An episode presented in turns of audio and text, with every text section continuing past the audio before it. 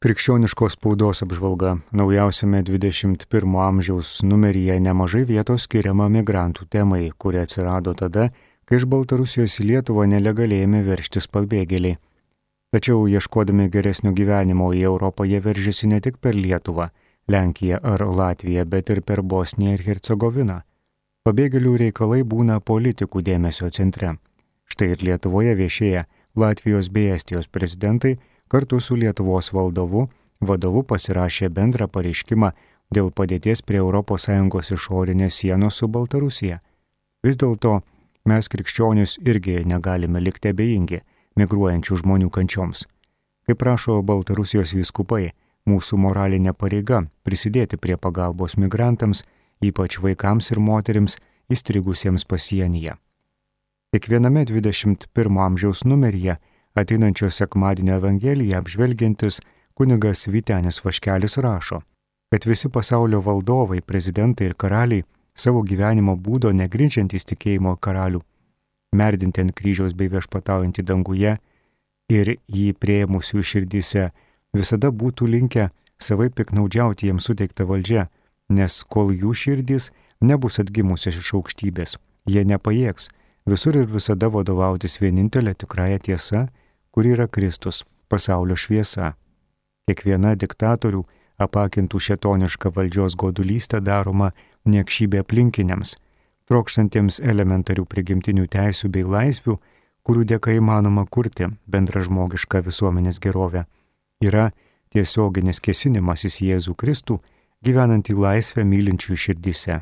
Todėl suiminėdami, kankindami ir žudydami savo piliečius, kovojančius už demokratijos principų sieki, jie daro trigubą blogį, paniekina Dievą, sunkiai nusikalsta savo tėvinainiams ir patys atsiduria prie pragaros lenkščio.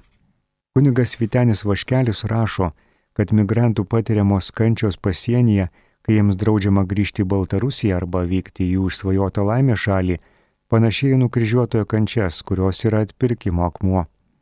Mindaugas Buika straipsnėje jaunime Kelkis ir Liudik apžvelgia popiežiaus pranciškaus mintis, išsakytas laiške apie per Kristaus visatos valdovų iškilmę švenčiamą ir pasaulinę jaunimo dieną.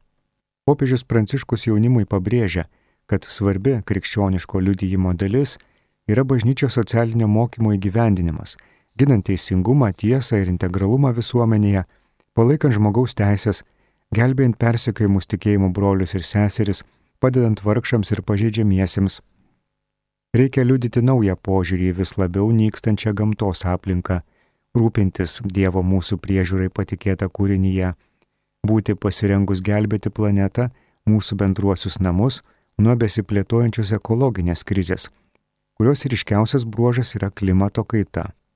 Šventasis tėvas kviečia jaunimą savo pavyzdžių liudyti dvasinį atgimimą, išsilaisvinimą iš įvairaus blogio pančių ir kad sielvarto persmelktos nuliūdusios širdis vėl galėtų atrasti vilties džiaugsmą.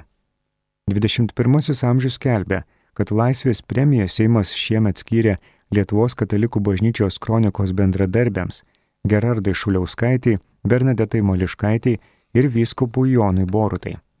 Laikraščio priedė Provita Mindaugas Buika apžvelgia popiežiaus pranciškaus susitikimą su farmakologais, dalyvavusiais Romoje vykusiame nacionalinėme jų kongrese.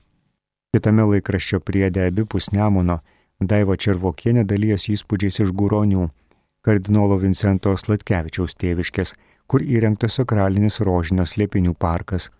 Ta pati autorė, minint Lietuvos totorių istorijos ir kultūros metus, rašo apie 40 totorių kaimą. Rašinėje rasime svarbės krikščionims totorių mintis apie kapines ir jų lankymą. Bronius Vertelka apsilankė Krakėse, mažoje kultūros sostinėje Kauno apskrityje. Jis kalbasi su Krakių bendruomenės pirmininkė Daiva Dubinkienė, iš jo sužinome, kuo pasižymi šis miestelis. Išėjo ir laikraštis Katalikas, jame Rūta Verkienė pasakoja apie Varienos rajone Margionise tebe gyvuojančią tradiciją - melstis kapinėse prie vėlinių laužo. Jis kasmet tarsi sujungia ir sušildo gyvuosius ir jau išėjusius nutiesia simbolinius laiko tiltus tarp praeities ir dabarties. Katalike, kaip visada rasime platesnį neseniai mirusio kunigo nekrologą. Lapkričio 6 dieną mirė Ilguvos ir paežerėlių klebonas kunigas Francas Kurklys.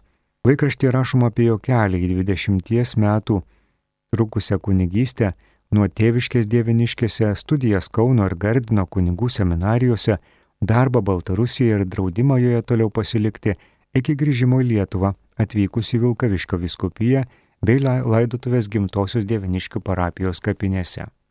Plačiau šie ir kiti straipsniai laikraštė 21 amžius jo numeryje pasirodysiančiame rytoj. Apžvalga parengė redakcija, perskaitė Andrius Sakalauskas.